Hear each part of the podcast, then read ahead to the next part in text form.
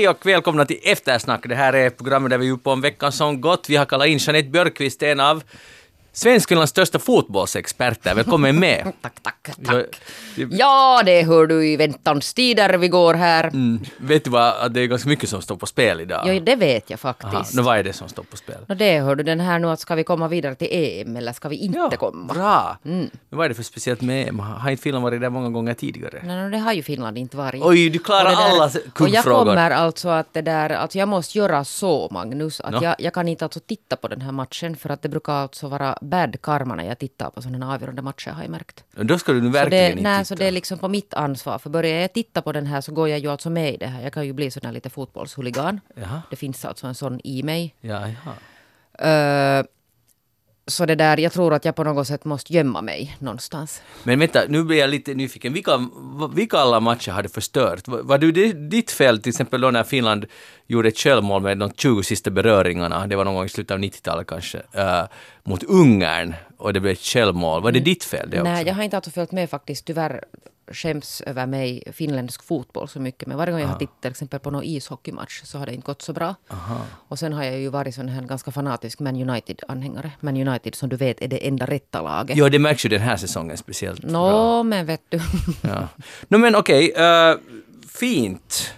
Det här är nya tider. Vi kommer att tala mer om den här fotbollsmatchen. För det, jag skulle helst tala om det 57 minuter, men det kom direkt jag, någon lite protest där på vår Facebook-sida. Jag tänkte just säga att jag tycker nog att det verkar som att inte alla lyssnare nu vill prata 57 minuter. Nej, inte jag heller. Eh, Johan Fagerud är med i studion idag. Morgens. Ja, jag undrar om det är liksom på pin som du kallar hit mig varje gång det är någon viktig match eller någon ishockey. Jag vet inte, jag har ju noll koll på det här. Nästa gång skickar jag hit min lilla bror. Ha, ja, men det skulle ju vara en idé. Ja. Ja, det där Uh, så det skulle vara en idé. Han nappar genast det där. Ut med Johan och in med Peter. ja, kan, så kan man få in honom nu. vad, vad jobbar Peter med? Han är timmerman, jobbar på staden Jakobstad och bygger. Äntligen något konkret. Spikar och hamrar. Äntligen något konkret och något flummigt som ja, jag håller på med. Ja, eller som vi, Jeanette och jag håller på med. Ja, han är gammal fotbollsspelare så han skulle säkert ha Jarro.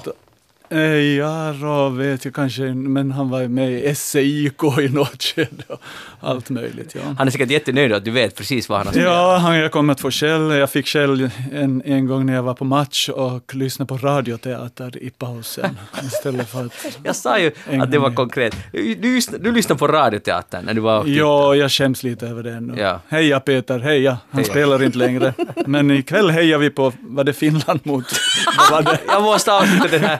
Liechtenstein, din sparv. Yeah. Ja, bra, bra, bra Johan, bra. Det där, det där, vi kommer att ha en, som ni märker, en initierad fotbollsdiskussion lite senare idag. Jag heter Magnus Lundén. Programmet är alltså Eftersnack. Vi ska tala om veckan som gått, men igen, vi återkommer till fotbollen, för det här är, det är mycket att snacka om där. Och ni måste försöka hänga med sen när det blir dags. Men vi talar lite allvarligare saker först. Venedig under vatten det är kaos i både Chile och Bolivia. Följer ni med det som händer i Sydamerika för närvarande? Så här helt ärligt svar. Inte alltså mer än det som kommer i nyhetssändningarna. Johan? No, jag tittade på nyhetssändningen igår och såg där, vissa som hejar på han som nu har utropat sig till president och någon annan som satt och grät för att eh, den andra, in, är det Morales hette mm, han, han, han stack, han, han stack och de satt och grät för att han hade stuckit. Så att det, ytterst splittrat tydligen. Ja, det nya i Bolivia, uh, vars namn jag nu inte heller kommer ihåg utan till Anis. Så hon säger nu ska vi, eller hon har uh, utsett en ny regering där det inte finns en enda representant för de uh, ursprungsbefolkningen trots att de består, uh, ungefär 40 procent av Bolivia består av det, så det kommer att bli någon sorts kampanj mot dem. Uh, och det där, det, bara, jag börjar fundera på den här saken för att också Chile har jag läst ganska sporadiskt.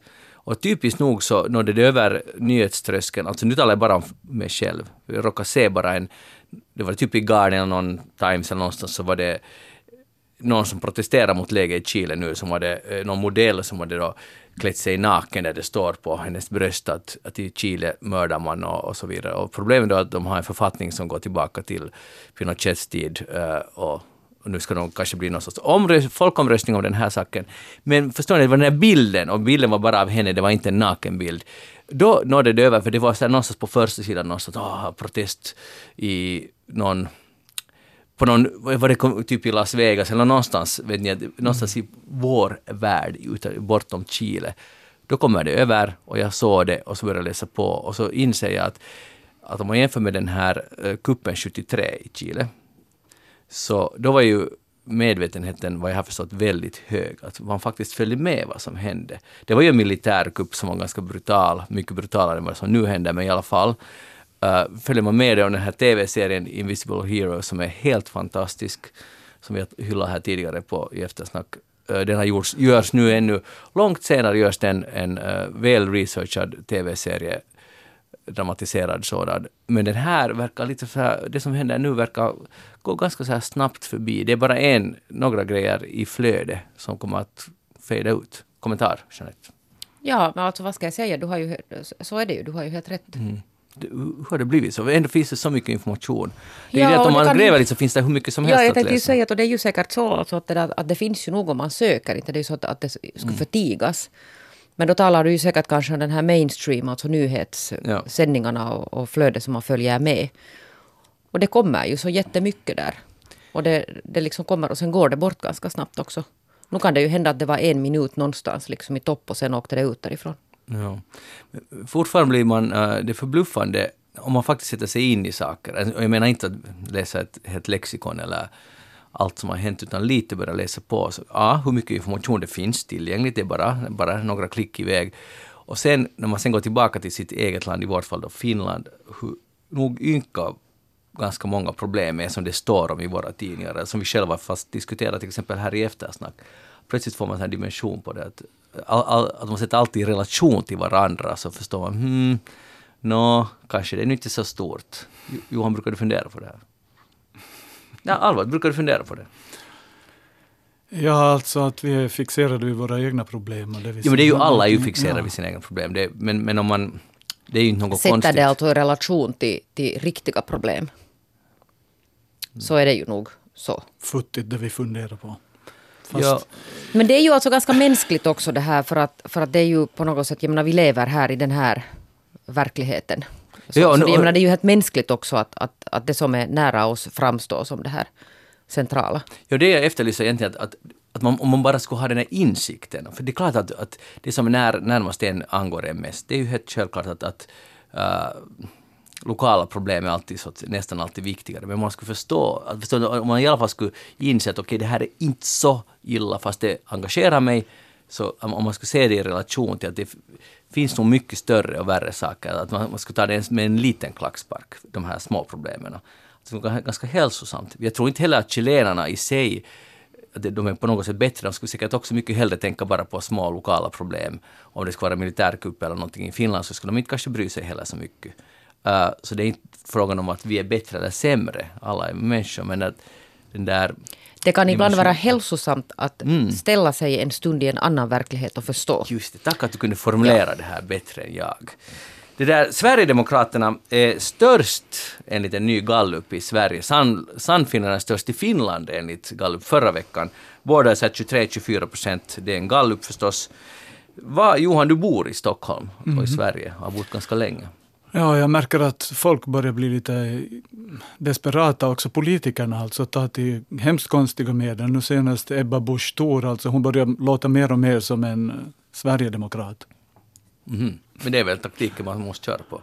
Som de så? tror alltså? alltså inte här, man som måste... de tror, ja. Tydligen ja. hon då. Tydligen märker hon att väljarna, eller inte tror jag att alla sväljer det, men att hon, hon tar till den retoriken. Mm. Och det är lite skrämmande tycker jag. Och det är också skrämmande att det funkar på det sättet att oj, vad går hem? Det där verkar gå hem, så nappar vi på det. Att det, att det är ganska flytande ens ideologi. Och sen när man gör det, så kan man ju då lyckas kanske sen plötsligt börja omvända den här 80 procent som alltså då de facto inte röstar på de här. Mm. Och börja liksom styra dem sen ditåt samma tanke. För det är ju det som vi måste komma ihåg ibland. Att det är ju inte majoriteten nu som, som ställer sig bakom någon av de här. Fast de är alltså så där, på, på ett partifält som enskilt parti alltså leder de galluparna. Men det är fortfarande alltså inte majoritet i någondera landet. Nej. Ja. Det skulle vara intressant i Sverige om de skulle kunna regera med, eller de skulle ju inte kunna, om inte de får Moderaterna med sig, så kan de ju inte regera. Nej. Nej så, så, men i Finland, så, för det här var en forskare som talade om det här, att, att vi kan börja förbereda oss, eller det är i alla fall en helt utopistisk tanke, att nästa statsminister heter Jussi halla och det är nu tre år till val, eller tre och ett halvt år Men att, att det här är en tanke som man, ska, man helt bra kan börja uh, vänja sig vid. Är det en tanke du kan vänja dig vid, Jeanette? Alltså det där, nu är det ju demokrati. Och det där, om det är så det går så kan man ju inte riktigt göra någonting annat än flytta dit till Johan Fageruds Lägenhet. neighborhoods. Ja. Tror du det är bättre där? Nå, inte kanske om där är... Alltså jag, vet, jag har en känsla av att de testar hur populistisk vågar jag bli. Också, nu var det senast Ebba Busch Thor som slängde ur sig någonting om att Skolverket är som DDR va, för att de hade försökt uh, skippa antiken. Och, Ja, vi har talat om det. Ja, ja, ni har talat om ja, det. okej. Ja.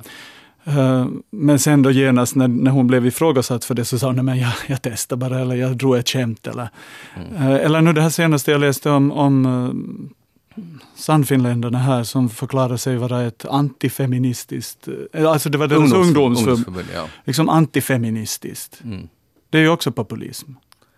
Mm, mm, eller är det bara en ideologi? Alltså, vad, hur menar du? Populistiskt? Är det, det är också ganska populistiskt nu att alla går ut och säger att de är feminister. Ja, men, uh, men just därför så tycker jag det är populistiskt att säga att hej, vi är antifeminister. Mm. Och att, att um, nu är det nu så jämlikt så att vi behöver inte ha feminismen längre. Du, håller, du håller inte med dem? Nej, jag håller inte med. Aha. dem. Okej, varför det? Nå, för det första så, så folk verkar vara livrädda för det här feminism, alltså att, att, att nu märker de att folk eh, är skeptiska till hela fenomenet, så då är det, då är det dags att gå ut och, och deklarera sig som antifeminister, för då, då finns det röster att, Mm. att vinna på det. Men det här måste ju vara alltså ett finländskt problem. Jag menar feminismen i Sverige är ju inte... Var det Göran Persson som, som utropade sig till feminist? Så var det. Mm. Nå, ni har inte svar på den här frågan heller. Men vi har vilken, inte. alltså, vilken var, var, var, Ja, nej, men vad var att, det- att, ska var vi vänja oss nu vid den här tanken att Jussi halla är vår nästa statsminister. Egentligen så, Men alltså det är nog lite sånt här också som jag kan bli lite sådär trött på ibland. Att man håller på liksom och målar upp det här. Alltså man på något sätt bäddar och sen går alltså hemskt många medier och andra med i det här. Och så börjar man på något sätt, jag menar, det går ju att styra opinion på, på hemskt många olika sätt. mm. mm. Och dessutom, det är tre och ett halvt år, det här hinner hända väldigt mycket före det. Alltså det, det, här, men det, är ju det handlar ju inte bara om Sannfinland, det handlar om vilket parti som helst. Att genast börjar man spekulera om nästa. Nu skulle det vara ganska viktigt att leva nu, nu och eventuellt kritisera eller hylla nuvarande regering. Vad, vad är på gång just ja, nu? no, det kan man ju säga att det där, de kritiseras jättemycket. För jag kan inte riktigt påminna mig om att oppositionen skulle ha fått så här hemskt mycket Mm. utrymme hela tiden att kritisera och ifrågasätta. Och på något sätt den här politiska journalistiken som har... Det är sådär som att man startar från nollpunkten varje gång det väljs en, väljs en ny regering. Så nu har man startat sådär som att vi gjorde absolut ingenting och ingenting av allt det här som, som den här regeringen nu försöker ändra på. Det har ingenting då att göra med att de själva satt och Precis bestämde. samma sak jag reagerar på i Sverige nu när Moderaterna tutar på att nej men det här och hur kan ni göra på det här sättet? Då hade ju just suttit där och gjort samma beslut. Ja, och till exempel nu den här pensionsdiskussionen här. Så, så att, men, men nu så står de här liksom och gapar och skriker och herregud så de härjar alltså där i, i riksdagen om det här att det kommer nu inte den här den här utlovade, den här vappusatanen, den här hundringen till, till Valborg, som alltså de facto aldrig alltså existerar i sån form som man nu påstår att den finns. Och de sa att men vem var det som alltså har fryst sådana här indexjusteringar och sånt här? Vem är det som inte har gjort liksom någonting för de här de här lägsta pensionerna. Och det är de som nu står och skriker att hur täcks ni och varför gör ni ingenting? Så varför gjorde ni inte själva då? Men det är spännande att, att det funkar, den här metoden. Ja, funkar det eller? Alltså jag tycker att nu har det gått över gränsen. Det funkar inte längre på mig åtminstone. Nej, någon bra, en, en person som ser igenom det. För, men, men, men, att, men alltså det är ju, annars skulle det inte, fun- annars skulle det inte göras så här på det här sättet. Att det, så, klassiska citatet, politiska minne är kort, att, att man liksom kommer inte ihåg det Alltså här. det är ju inte, alltså det är ju inte, det, det är ju, det är ju icke-existerande det här politiska minnet. Ja, det är noll. Ja. Och samma det här som de alltså härjar nu om den här, den här vårdar, alltså antalet vårdare inom äldrevården. Så herregud så det diskuterades den under alltså i en regering där Sannfinländarna själva satt med alltså då i början. Mm. Och sedermera det här splittade alltså blocket. Och de fick inte till stånd någonting. Och nu när det äntligen då är på väg så skriks det att det kommer inte tillräckligt fort. Men herregud, ni gjorde ju ingenting själva. Ni hade fyra år tid på er och ingenting gjorde ni. Där hör ni. Hej, Ah. det har varit stor case kring taxichauffören och eh, Socialdemokraternas fullmäktige ledamot i Helsingfors, Husu Hussein, som det där eh, twittrade väl ut ursprungligen att, att han blev så arg på en kund som betedde sig rasistiskt. Han eh, st- stannade på motorvägen. Tusbyledaren släppte ut honom där. Sen bytte han senare till att det var till en, på en busshållplats och sen hade det kommit fram då senare att det här, hela incidenten har aldrig ens inträffat och han har bett om ursäkt för det för att han helt enkelt ljög, gick fram med osanning. Men det har blivit en stor snackis kring den här saken. Och han är Inte bara snackis, utan det, har alltså, det, det är ett praktexemplar på hur journalister nog kan gräva sig när de vill. Ja. De har ju haft sån här hjälp av, av den här Taxi Helsinki, mm. som har riktigt gått in alltså det där utrett de här Husus taxiresor ja. och lämnat ut alltså uppgifter om att, att stämmer nu till exempel de här de här liksom tekniska alltså övervakningen av hans att stämde det och men, kunde bekräfta att det stämde inte. Han har inte rört sig alltså här. Ja, men tycker du inte det var helt rätt av Taxi Helsinki att, att no, jag har, för... Jo, det var det säkert med det där. Jag har nog aldrig hela mitt liv hört om att man har alltså gått så här stort in för det. Nu är det ju alltså då också oklart att kommer han att få fortsätta köra att, eller kommer han att få sparken därifrån på grund mm. av det här för att de har fått så mycket feedback nu på det här. Han blir i alla fall utesluten ur Socialdemokraternas grupp fram till juni, tror jag, jo. ett halvt år. Och, och sen kan han fortsätta som tidigare. Och hela sociala medierna alltså fulla nu med sådana här pdf-ar på sådana här tidigare, någon sån här cykelstöld som man hade gjort för 3000 år sedan. Så det mm. florerar alltså de här rättegångsprotokollen som sådana mm. nu också på sociala medier. Och ja. etc. etc. No, det, om det leder till rasism, det är ju hemskt. Att, men, men alltså jag tycker det är fel att han ljög. Vadå? Mm. Dramatisering, det hör hemma på scenen och i film. Men inte hör det hemma i politiken. Så han måste ta till andra medel, han måste hålla sig till sanningen om han vill påverka, tycker jag. Alltså mm. han, grä, han undergräver sig själv på något sätt. Men det är ju, som du säger, det är ju typiskt att det leder till att man, man utnyttjar det här för att kunna trycka ner invandrare. Ja, och grejen är alltså det att uh, han har ju blivit hotad och det har man ju nu också börjat ifrågasätta. Att, att fick han en sån här, alltså det var någon som hade skickat, han har tydligen utsatts för ganska mycket sån här, all möjlig sån här riktad, uh, riktade hot under en väldigt lång tid. Och det skulle ha räckt alltså, han skulle aldrig ha behövt ljuga. Han skulle inte ha behövt liksom frisera till den här historien nu på det här mm. sättet som han gjorde. Och det, det på något sätt, det, det, gick så fel. Och det var ju helt fel, det som Johan säger, att han borde inte ha ljugit. För att nu undergräver det en massa andra saker. Nu har man ju börjat ifrågasätta. Han hade bland annat hade han fått alltså i posten en sån här liksom, vet ni, hängsnara. Att han ska dö. Och det har varit alltså helt fruktansvärt. Alltså jag har själv någon gång följt med de här de här eh, påhopparna på honom på sociala medier. Mm. Så han skulle aldrig ha behövt. Och, och det är också... Alltså, det är tillräckligt det finns, hemskt det han råkar ut Ja, och det finns alltså utredningar och det har skrivits några jättesmå nyheter om att, att mörkhyade taxichaufförer i Helsingfors är jätteutsatta för rasism. Det kan komma alltså på beställningen. Att, att man beställer en taxi men man vill inte ha en än ordet som kör den här, alltså sån här jättemycket här, eller människor som vägrar sätta sig i en taxi där, där chauffören är mörkhyad. Det, det, liksom, det finns hur mycket som helst. Mm. Så han, han, han skulle aldrig ha behövt hitta på. Det var men, alltså jättekorkat. Att... Det är just det som är det konstiga här, att om, om det stämmer, det säger jag, vilket jag har inte alls svårt att tro på.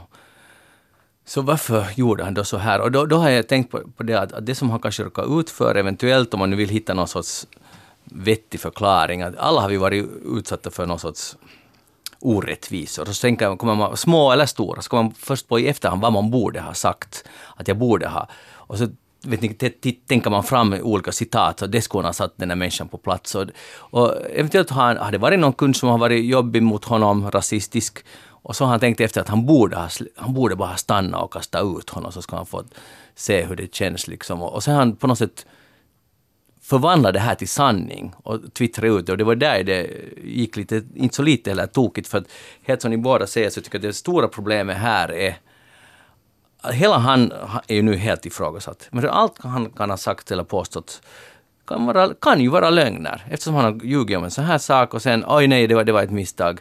Så kan ju allt annat han, han blivit utsatt för också vara osant. Och det, det, betyder att man kan negligera det och inte händer det på riktigt. Det är ju bara så här överdrifter. Det här leder den här saken.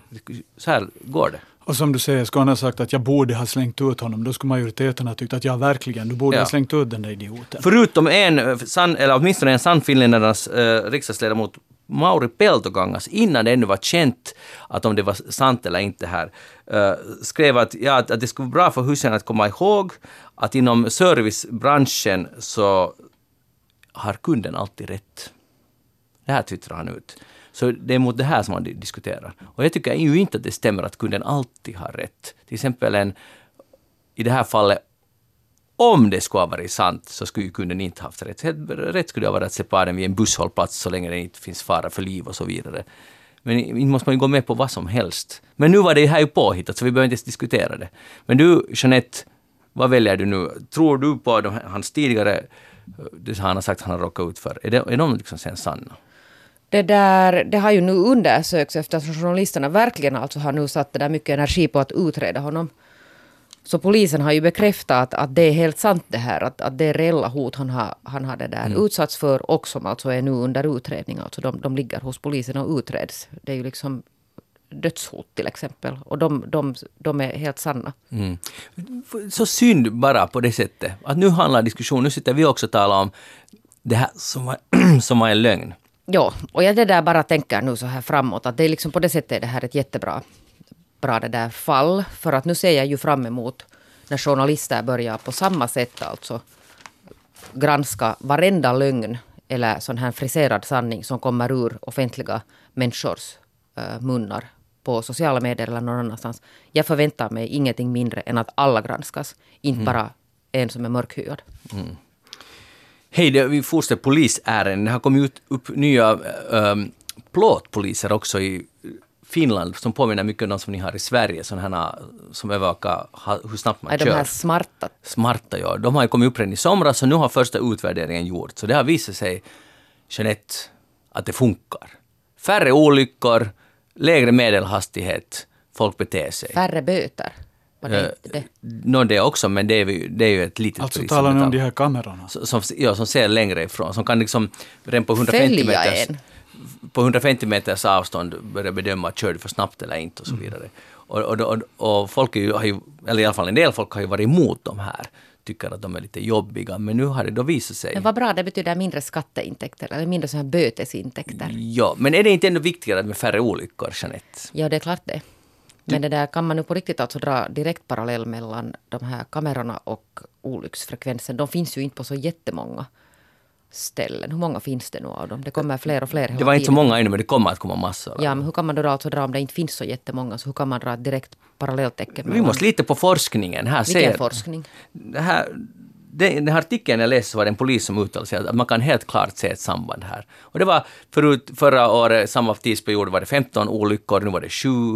Färre någon färre hade dött. Det kan ju vara en slump förstås, man måste se lite längre period, men i alla fall. Alltså det vill säga fjolåret 2018 jämfört med fram till nu? Eh, samma period 2018 som 2019. Mm. För jag, jag har för mig att du inte tycker så mycket om de här plåtpoliserna. No, Säg ärligt bara nu. No, de, har säkert, de fyller säkert det där sin funktion på något sätt någonstans. Men det där... Jag tycker ju nog också att det är helt bra om polisen jobbar lite och, och sitter ute och det där övervakar och inte bara sätter ut en massa sådana här tekniska grejer. De har ju också någon sån här ganska evil, sån här tomma bilar som också mäter. Sådana som du aldrig vet, den kan stå där så vet du inte om att det är Jag har råkat ut för en sån. Aj, hur ja. gick det? Jag, jag, fick böter. Enda gången jag fått böter var just av en sån där bil som stod nedkörd i ungefär ett dike jo. och fått mig i Sankt Mikkel någonstans. Men det där, jag är ju alltså det där jätte, jätteför sån här mycket äh, sträng övervakning i tätorter. Det är ju alltså min, mm. det skulle jag ju kunna ha en ja. sån här övervakning. Men du vill ha friheten att köra så snabbt du vill? Nej, det sa jag inte. Men jag skulle kanske sätta mera resurser på att övervaka tätorter än en massa sådana här, uh, sån här stora vägar.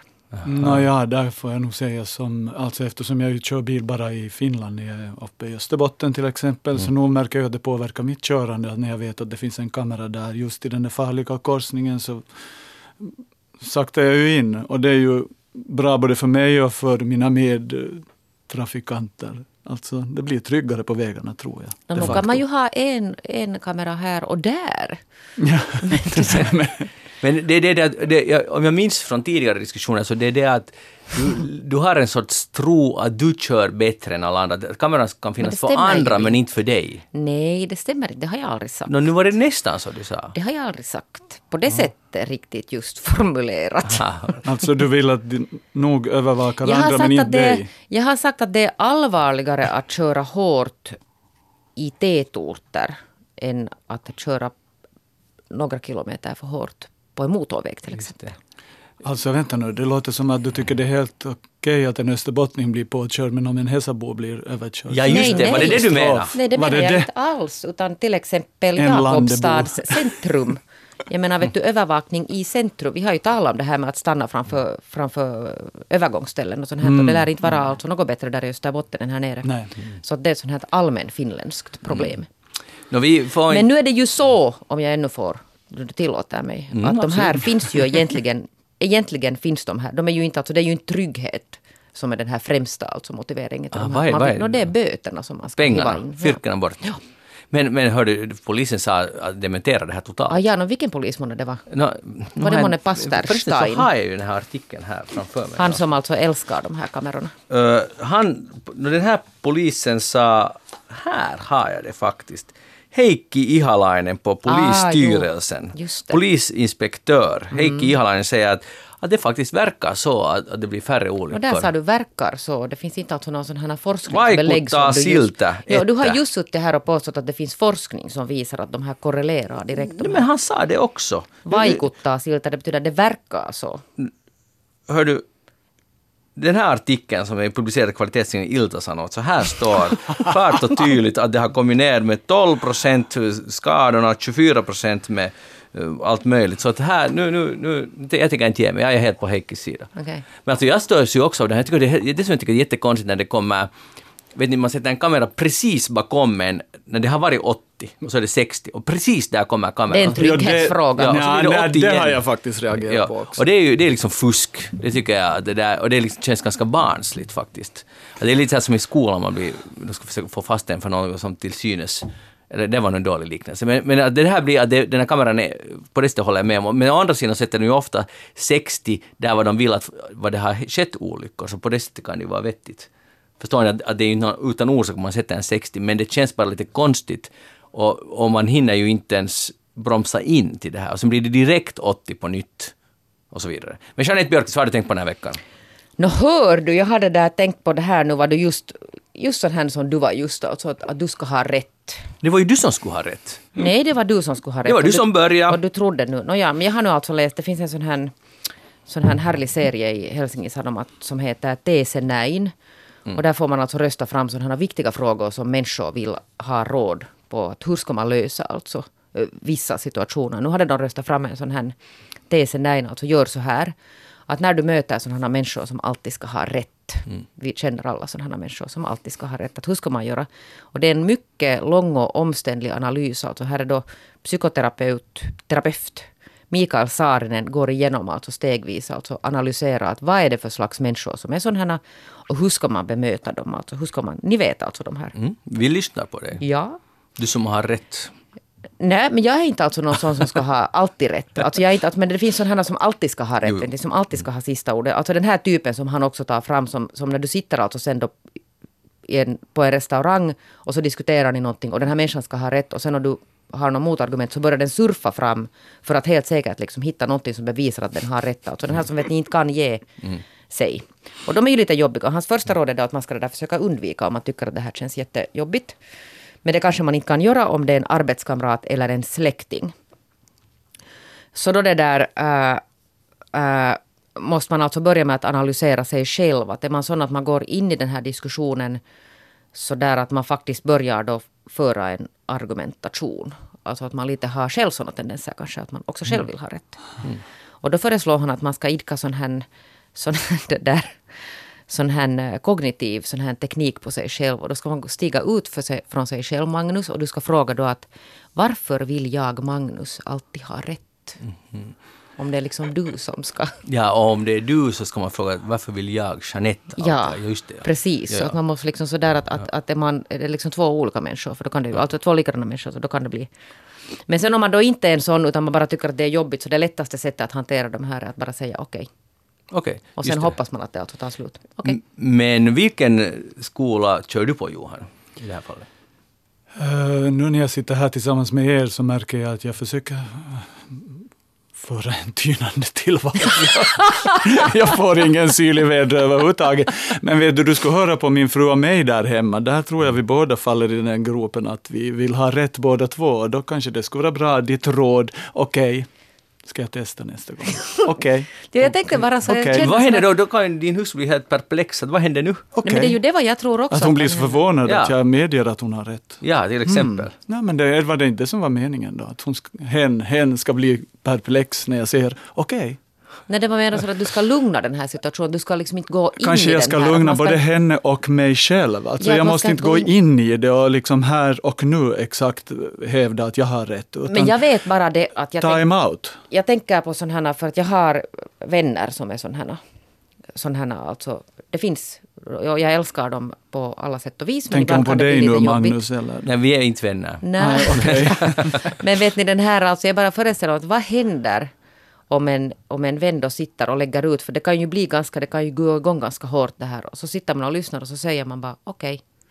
Så tror jag inte att det lugnar. Nej, och det där okej är så där som du sa, okej. Ja. Så på det okej jag hörs det ju att idiot, jag tänker inte ge mig in i den här korkade diskussionen, utan, utan det, ah okej, ja jag ska tänka på saken. Ja, ja. Eller okej, det är ju liksom skillnad på hur du säger det. Ja, ja, Johan har nog en ganska viktig poäng Är det där. Du kan måste säga det inåt också, okej, Ja, det. där var vi då. Eh, Så, så att du måste nog öva på det där, för att annars är det inte trovärdigt. Men däremot tycker jag nog, jag, jag är inte så säker på att det där är bra råd. Alltså det är bra råd om man vill i den där situationen komma snabbt vidare och man orkar inte med det här mera. Så då är ju okej, ett så här positivt okej riktigt bra. Men det är ju också ganska roligt att lite debattera. Aha, men Ja. varför vill jag, Magnus, också ha rätt? Du, du kan kalla det vad du vill, du kan, jag kallar det det. Men alltså det är ju roligt att Kära snacka. lyssnare, här nu, hör ni nu ett typexempel på just det här som Jeanette tog upp. Kan ni fortsätta lite till Magnus och Jeanette? Magnus, eh, nu måste jag stiga ut och säga att varför vill du nu ha rätt? Jag, jag, jag vill ha rätt för det är så roligt att gräla med Jeanette. Det, det, det är helt enkelt därför. Och Jeanette, nu måste den andra Jeanette svara åt dig. Ah, vilken? Okej. Aj, det, det Okej. finns inte så. Okej, bra. Men alltså det finns ett sista råd sen om ingenting av det här att man försöker på något sätt liksom stabilisera och lugna Ja. ner det här så säger han att, att man kan alltid säga att nu måste jag gå på toaletten. Alltså jag tycker hela det här är besläktat med det där att, att när någon berättar om sina problem och jag har fått, fått höra att jag inte då ska försöka lösa de där problemen utan jag ska säga oj då. Är det där okej Ah, just det, att du ska inte ge besläktat med svar, ja. oj då? Utan jag ska bara säga ett empatiskt oj då. Men Det där är en kvistig fråga det här med alltså problem. Att ska man... Vill, vill en människa ha alltså hjälp att lösa det eller ska man faktiskt bara lyssna? Det är sån lite att hurdan terapi ska du ha för dem? eh, ett oj då kan vara ganska bra för att det kan eh, leda till att, och sen en tystnad, för då kanske den berättar mer och den kanske bara behöver tala ut. Ja, men sen har jag då fått höra att jag säger oj då på fel sätt. Jag Ah. säger inte oj då, utan jag säger oj då. Ah, så. Eller Mm, hur? så här, okej, jag har lärt mig att jag ska säga oj då. Oj då. Det är oempatiskt. Men det kan jag säga att om man är en sån människa som sen det där ännu känner behov efter att man har varit i en sån här situation att per e-post eller några andra vägar eh, skicka sen ännu vidare Rättelse. argumentation och rättelser så då ska man kanske ta en titt på sig själv. Aha. Och ställa sig alltså utanför sig själv och fråga att varför vill jag alltid ha rätt? Men hur gör du? För jag var, jag var med en vän ett vitsigt samtal, nu ska vi gå in på vad det handlar om, men, men det var helt enkelt ett sakförhållande och, och vi grälade och så slog vi vad. Och sen, båda var ju övertygade om vi hade rätt. Vi, vi är alltså goda vänner, det var inga problem. Och sen nästa dag googlade jag då det här naturligtvis och jag visste att jag hade rätt. Och jag hade redan klickat nytt mail, så skulle jag skicka iväg det. Men sen gjorde jag inte det. För jag tänkte att det var roligare att det slutade med det där var det och nu kommer vi, glömmer vi båda bort det här. Och, men det var väldigt nära att jag skulle vilja ha det där sista ordet. Men Men titta, men det hörde var- du Jeanette nu på Magnus, Ja. hur otroligt nöjd han lät Ja. när han sa att jag hade rätt. Ja, men, Ja, för, men han förstås. behövde- Vi Jo, använde ju en halvtimme på det här grejen. Ja, men han behövde ju inte alltså sen föra det till slut. Det tycker jag är beundransvärt. Det, var, det var strångt. Tack Jeanette. Det kan hända att jag skulle ha Men någonstans, någonstans hoppas han nu att den här vännen hör Lyssnar på nu. eftersnack Ja. och hör att Magnus faktiskt hade rätt. Det skulle nog vara sist. Kommer då kunna låta För då skulle bli jag få att det så här, det. på ett ganska så här sneaky sätt ändå ha fått rätt utan att ha skickat det där mejlet. Oj, ho. Johan Fager, vad har du tänkt på den här veckan? Ja, ni får välja knark eller kollektivtrafik. Ko- Jag skulle välja kollektivtrafik. Okej, ta kollek- ja. Äh, kollektivtrafik. Alltså jag är ju en inbiten cyklist. Mm. Jag cyklar hela tiden i Stockholm. Utom nu då, den här senaste månaden, då köpte jag månadskort. För jag hade cyklat omkull. Det blev mörkt, november mörkt och jag blev lite rädd faktiskt. Att cykla. Bilarna körde hysteriskt eh, fort och eh, väjde inte för mig och jag nästan körde in i en bil, flög omkull och Oh. blev lite skrämd. Eh, Så då köpte jag ett månadskort och Eh, varför jag nu vill berätta det här, det var bara det som hände med mig när jag gick in i den här kollektivtrafiken, den här tuben eller den här alltså tunnelbanan i, i Stockholm. Alltså på något sätt, först så var jag helt frustrerad och jag blev stressad och jag tyckte att det tar så lång tid jämfört med att cykla. Jag kommer ju aldrig fram och jag måste anpassa mig till tidtabeller och jag blir galen. Två dagar senare hade jag insett att jag ska ha med en bok, jag ska inte mm. tänka på att jag reser, jag ska bara, bara finna mig i att jag blir förflyttad av någon högre makt. Mm. Uh, och sen då, fjärde dagen, blev jag stressad igen, för då hakade det upp sig lite i kollektivtrafiken. Och alla människor blev stressade och stod och suckade vid busshållplatsen och, och bussarna kom inte. Det kom tre bussar efter varann och, och, den första var proppfull och den andra var tom och bla bla bla. Allt det där som ni kanske som använder kollektiv, kollektivtrafik mer än jag är vana vid. Uh, Nåja, och så en dag när tunnelbanan var helt smockfull och vet ni, så här nästan som i, i bilder från Japan där man ser att folk står och trycker in folk i tunnelbanan. Så, så märkte jag att när jag kom hem så var jag helt, eh, jag nästan liksom min kvot av beröring var fylld för månader framöver. Är det här något som ni vanare kollektivtrafikresenärer känner igen, eller är det bara jag som är van eh, att få cykla och bestämma själv hur jag rör mig? Eh, blir liksom stressad. Och är det någonting, ju, om man vänjer sig vid kollektivtrafiken så blir man också van vid att umgås med folk på ett sätt som jag tydligen inte då var. Jag, jag blir liksom, vet ni den här att, att folk inte ska komma för nära en. Det blev så jo. påtagligt i något mm. skede att nej, kom inte hit, kom inte för nära mig. Ja, Eller är det bara jag som är störd kanske? Jag tror att det där lite beror på, för att det, så ofta är det ju inte så trångt. Nej, i, det, det, är nog inte. Alltså, nu är ju närtågen emellanåt jättepackade. Ja, och spårvagnarna kan också vara alltså ganska... Ja, rusningstid och så, men annars är det där ganska o, relativt ovanligt att man, bara man inte åker helt med, med rusningen, med massan in på morgonen till stan och ut på eftermiddagen, så då, då kan det ju vara väldigt Men jag kan ju vara sån här att sen när det är faktiskt då trångt, alltså det kan ju vara ibland så trångt att, man inte, att alla inte ryms med. Så då kan jag ju sen så där tänka att, att vad är det här för döber som som åker här som inte förstår att man måste pressa sig ännu lite mer. Att man måste pressa mm. sig närmare. För då är det en massa sådana här Johan Fageruddar som tycker mm. att lite måste vi hålla någon sån här space. Och nu när jag pratar om det här så känner jag att det här är just ett, en sån här sak som du Magnus sa. Att Tänk mm. nu på hur de har det i Chile till mm. exempel. Mm. Det, du, du har helt rätt. Så glöm allt vad jag sa. nej, nej, för det är ju just det, vi, vi kan ändå tala om det. Men det, så länge man har den här distansen så tycker jag, som du just sa. Ja, no, mitt månadskort går ut imorgon så att jag ska men, Ta fram cykeln igen. Ja, det är ju nog absolut min rekommendation för att det finns vissa som, så där som tydligen du, du har lite problem om det blir för tajt, trångt där och inte det är så trevligt. Men cykel är ju helt lösning på alla problem. det är ju det. Alltså total frihet, ingen nedsmutsning. Där, där, där finns allt. Bara man inte cyklar omkull alltså. Ja, och, det, och sen vintertid är det ju inte så nice förstås. Så att då är du igen tillbaka i kollektivtrafik. Då måste du ta promenaden. Men brukar du inte åka på vintern heller kollektivtrafik? No, ibland tydligen.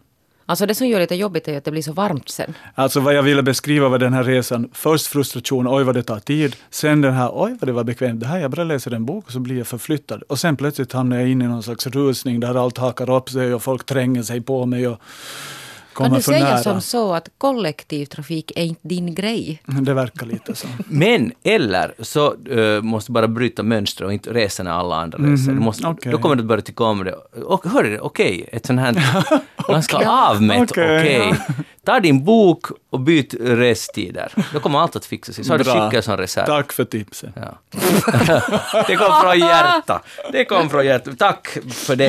Hej, i både i Stockholm och Helsingfors finns det mycket sparkbräden och, och de har förorsakat mycket olyckor. Nu är det en artikel i Helsingin Sanomat där, där man har gjort någon sorts undersökning på Tölö sjukhus, dit de allvarliga, allvarligare olyckorna i Helsingfors kommer, benbrott och sånt här. Och, och nu har de kommit fram till att det har kostat samhället bara den här sommaren 2 till 300 000 euro och det där 74 olyckor sedan maj eh, där 33 har måste opereras. Och nu tycker man att, att de borde börja fundera på, eller de här firmorna som hyr ut de här, att de, vad har de för ansvar i det här?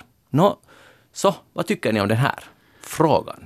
Nå, jag som kollektivtrafikant, alltså jag satt faktiskt och pratade med busschauffören, en kvinnlig busschaufför som ondgjorde sig över de här vad kallar du dem, sparkbrädorna? Men vad kallar vad heter Alltså för de ligger slängda överallt så att, att folk som skulle kliva ombord på bussen eh, snubbla över Mm. de där. Så att hon var, var verkligen stressad på Mm. dem. Men jag, funderar så här, för, för nu riktas det då ett finger mot firmorna som hyr ut det här. Alltså Och- de på något sätt borde vara ansvariga för att folk skadar sig när de åker. No, de säger att vi hoppas att firmorna, företagen som hyr ut de här, att de också på något sätt funderar på det här Men på vilket sätt skulle de fundera på det? Ja, för, ja, no, det här är...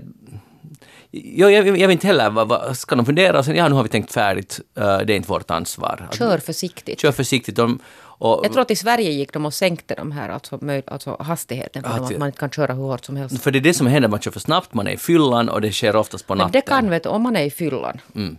går och ställer sig på en sån här, så då kan man ju tänka att det är lite sån här darwinism där över det hela. Ja. Precis, just det. Att jag vet inte liksom att ska, ska sen ett sånt här företag ta ansvar för det? Ja, men det, alltså, det där är, Är det bilens fråga. fel om någon kör i fyllan på... Exakt.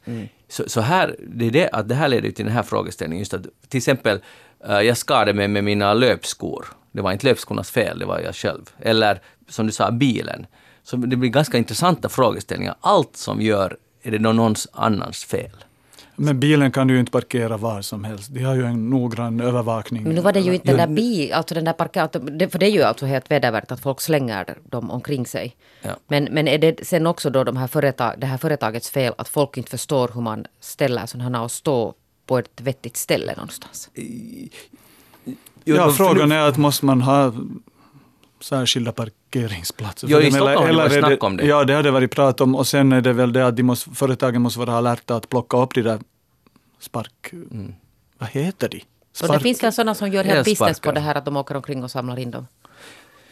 Ja, alltså jag, förstår, men jag, förstår inte det här, alltså det är ju jättesynd att så där många skadar sig och det har kostat samhället mycket. Men nu är det ju det- fyllots eget fel. Jo okej, Okej, samhället måste betala det, men, men det händer ju hela tiden olyckor i fyllan. Då, bara som exempel, att om man går till en sjukhus natten mellan lördag och söndag, någon sån här jourpoliklinik någon gång, så det är fullt av folk med diverse olika problem. Och när man har sett det, det är en sån parallell värld som man inte känner till att existera förrän man själv hamnar där. Det är hela tiden, och inte nu förstås inte alla i fylla, men nu har jag ganska många varit lite på sniskan. Jo, det måste man ju nog säga. All respekt åt de som jobbar på sådana här Faktiskt. jourmottagningar. Så det, den frågan blev lite olöst. Hej, det är ju... eh, ja, jag tänkte ta... Det är ju fimpar. Jag vill tala om tobaksfimpar.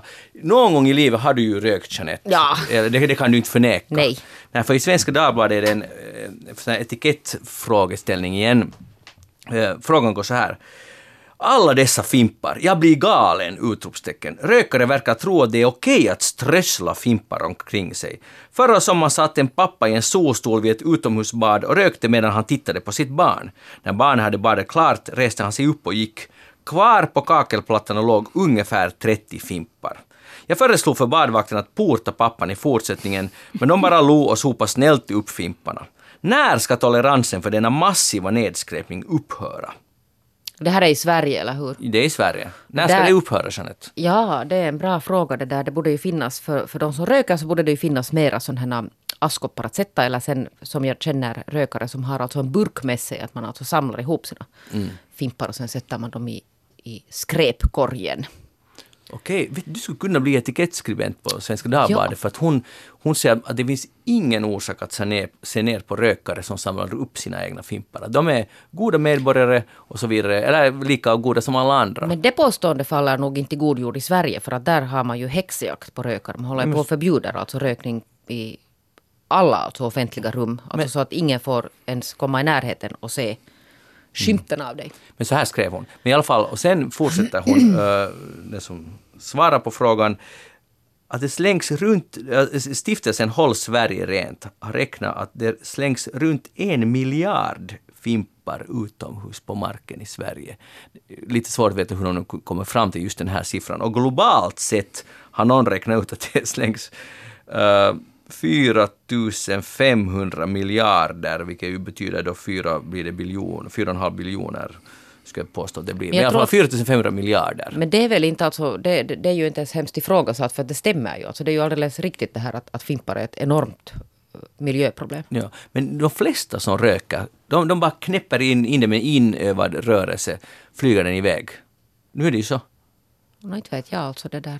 Visst, om du går på gatan och tittar, så nu är det, om, till och med i skogen så är det ju så det sker. Man bara knäpper iväg den. Kanske det är det är ju så. nedskräpning. Det är nedskräpning och det är ignorant. Okej, där kom det. Johan, har du Jag rökt? bor ju då, nej, oj, alltså feströkt kanske någon gång. Eh, men jag bor ju då i snusets förlovade land. Mm.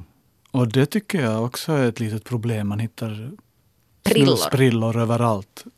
Och nu för tiden har ju den här snusburken har ju ett litet lock dit man kan sätta sin gamla prilla. Kanske man borde... mm, Ja, jag tycker det där, ha din lilla burk med dig för att eh, sätta fimpen i den, det är väl bästa lösningen. Men jag undrar hur många som skulle göra det. Och precis, men nu har man också fått hundägare att plocka upp sin bajs. Mm. Så inte, inte kan det vara omöjligt att få det här till stånd. Så, Och jag menar på stranden om man sitter och röker. Nu förstår jag att folk blir frustrerade ifall man slänger fimpen där i sanden. Och det, Nej, gör, tack. det görs ju på alla världsstäder, är det fullt, ganska mycket fimpar. Fimpar och en massa plast. ja, ja. Mm. Och i, tydligen i de här fimparna finns det mycket plast. Jo, det är ju inte alltså någon sån här som förmultnar Nej. produkter. Det tar minst tio år före det förmultnar, stod det också i den här artikeln. Hej, Instagram har ju testat nu en tid eh, i olika länder, nu har de också börjat testa i USA, att, att man inte ser hur många som likar ens, alltså man ser själv hur många som likar ens foto, men de andra ser inte. Och nu är många sådana här influencers jättestörda på det här, för de tycker att det här, deras eh, intäkter rasar, för att de kan inte mera liksom, folk kan inte se hur otroligt pop de egentligen är Vad är de ute efter med det här? fyrk. Ah, Instagram. Ja. Instagram är ute efter att vi ska alla lugna ner oss. De alltså uttryckligen säger det så. Att det är en, eh, en tanke, tanken är, vi ska se här, depressurize Instagram, make it less of a competition and give people more space to focus on connecting with the people they love and things that inspire them. Oj. Ja, att nu är det slut på det här att vi ska ha, tävla vem är mest populärast och vem har varit bäst och sån här Och det där tycker snyggaste jag, bilden och Det sådär. där tycker ju jag att låter jättebra. Ja, men det finns många nu som tycker att det här är Men det är klart jätteilla. att- Nej, jag förstår att de tycker det, de förlorar pengar på det. Mm. Men Men pengar är inte alltid världen. Vi kan inte hela tiden hålla på och bara springa efter pengar. Vi måste också titta på livskvalitet. Oj, vad, varifrån kom det där Jeanette? Från hjärta. Från hjärtat just nu ska vi säga okej. Så, men äh, vad, vad köper ni? Om ni skulle vara VD för Instagram, vilken den där skolan kör ni på? Nå, det där, jag, jag är ju där på Instagrams skola nu då. Du är på Instagram, att det, här, det här gäller nu? Ja, Att det, man ska säga like. Tycker ni det blir lite ointressant? För det är lite rolig information att säga att hur pop någonting är. Men nu är problemet det att lajka kan man ju köpa och har kunnat redan Ja, länge. just det. Att det är en bluffsiffra ändå. Så kanske vi alla... så, länge det där, så länge det syns hur många som likar eftersnack på Facebook så är allt bra. Ja. För det, det ska de inte röra. Nej. Nej, det är, det är viktigt. Inte några sådana idéer dit till Facebook. Ja. Hej, eh, innan ni gör någon stor sportprestation, brukar ni ha på er något sånt, eller till exempel i ditt fall, före du går upp på scenen, brukar du göra en sån här, det kallas för, i USA i alla fall för game face, en sån här vet du, riktigt seriös koncentrations, koncentrationsmin. Att Du, brukar, brukar du Jeanette, före du ska göra något riktigt, liksom, om vi tar i ditt fall, du är inte skådespelare men, men idrottskvinna, så brukar du uh, göra så här. Men det är det där, jag tror att det är en sån här manlig, manlig det där egenskap. Jag läste, det har någon namn alltså. Gameface kallas det här Ja, men det hade någon svensk namn också hörde jag just. Gubb någonting. Gubbansikte. Ja, det kan ju inte stämma. Ja, Alltså, för, I den grupp som man spelar en föreställning just innan man går in så nu har man ofta en liten samling och yes nu satsar vi allt och så går vi in. Men jag tror att du menar lite snäppet vet du mera än bara lite att, att nu, nu kör vi. No, olika idrottsmän, de brukar ha en ganska, det ser Ja. ut som en tom blick just före de ska titta, de stirrar tomt för de liksom utestänger hela världen omkring en och jätteseriöst an, eh, ansiktsuttryck. Eller tänker du på vissa höjdhoppare som har att de till och med går igenom hela... Jag tror att det är en del av ritualen. Men du tänker inte på det här att när de sen ännu har lite ljud utan att ens ha gjort någonting sån. Tyngdlyftare. Till och med det, jag, jag umgås ju mycket med tyngdlyftare nu för tiden. Alltså, jag, jag gör det på riktigt. I det här gymmet, det är säkert det enda i Helsingfors som, där jag går ungefär en gång i veckan, det enda i Helsingfors som är dedikerat till tyngdlyftning, klassisk tyngdlyftning. Så det är jag och sen de här 60, ror alltså, han 60-plussarna som står där och skriker och lyfter. Och det är så intressant med en ny subkultur som jag inte visste att fan, det finns fortfarande sådana som sätter tyngder i ändarna av de där stängerna, skriker, svär och släpper ner så det skramlar och hela golvet skakar. Och sen, sen ligger de och checkar läge i en kvart och sen nytt försök. Det är ganska sisti. Jag skulle aldrig göra det själv, men det, för det, jag visste inte att det finns fortfarande. Och där är det. De är inte många. Och de har börjat mojka på mig. Jag känner mig lite sådär, hej, jag är med i gänget. När du sitter där på den här roddmaskinen. Eller två av dem har sagt hej, morgens. Sådär. Försiktigt. Alltså, ja. Sådär, Sådär, försiktigt. Ja.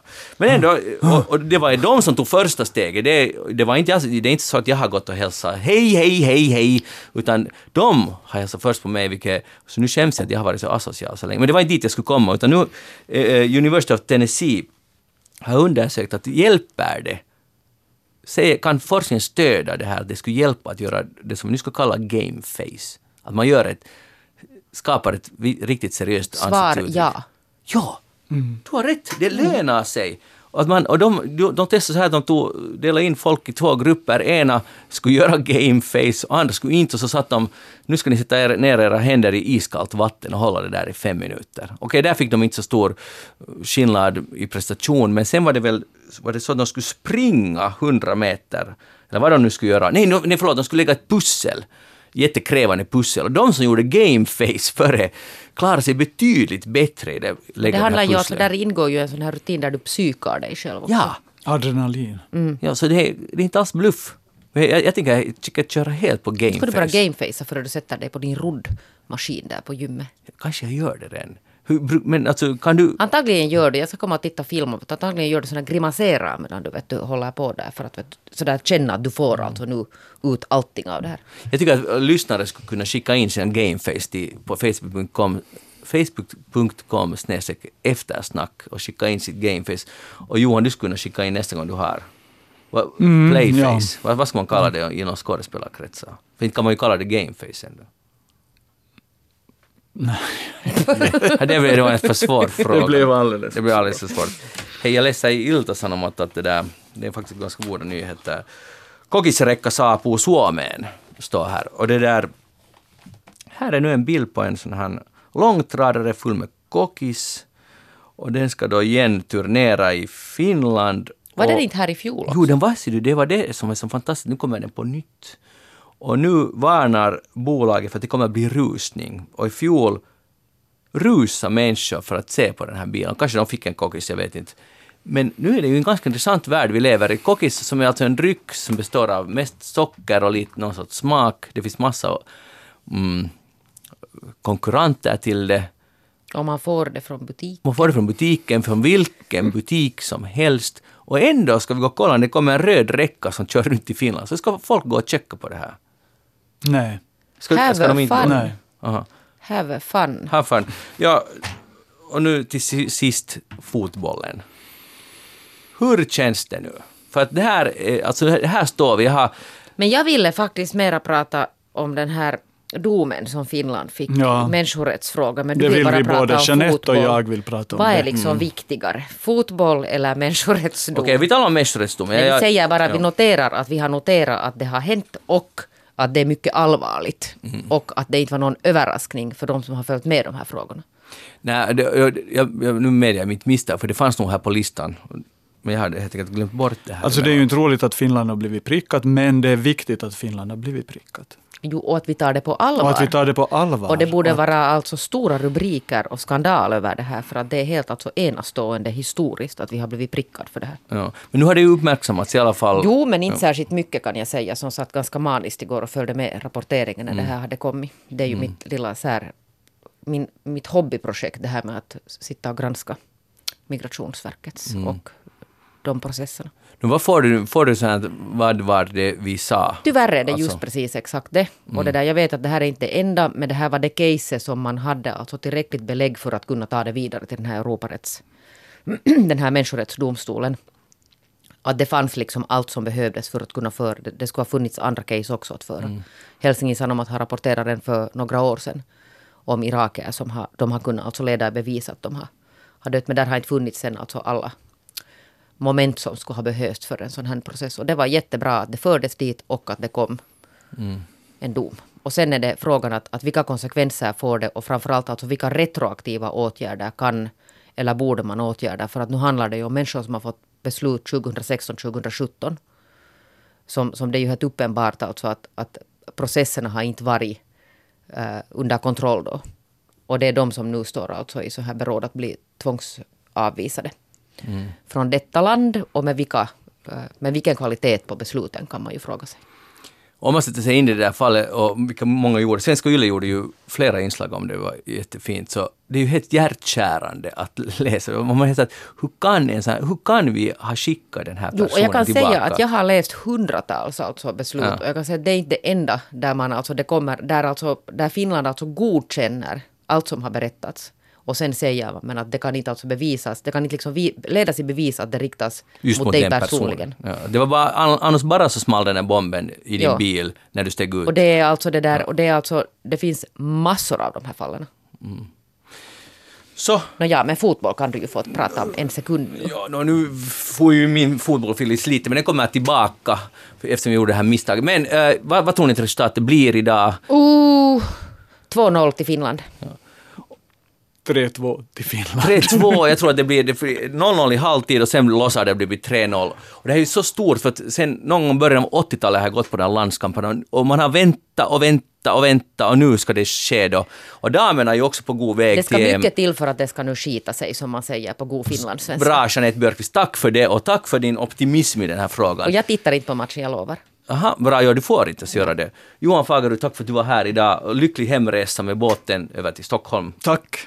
Jag heter Magnus Lundén. Äh, eh, Eftersnack var alltså programmet. Vi är tillbaka genom en vecka då Finland seglar in i EM. Och ni kan gå in på facebook.com eftersnack om ni vill diskutera dessa eller andra frågor. Ha det bra tills dess. Hej då och vi hörs.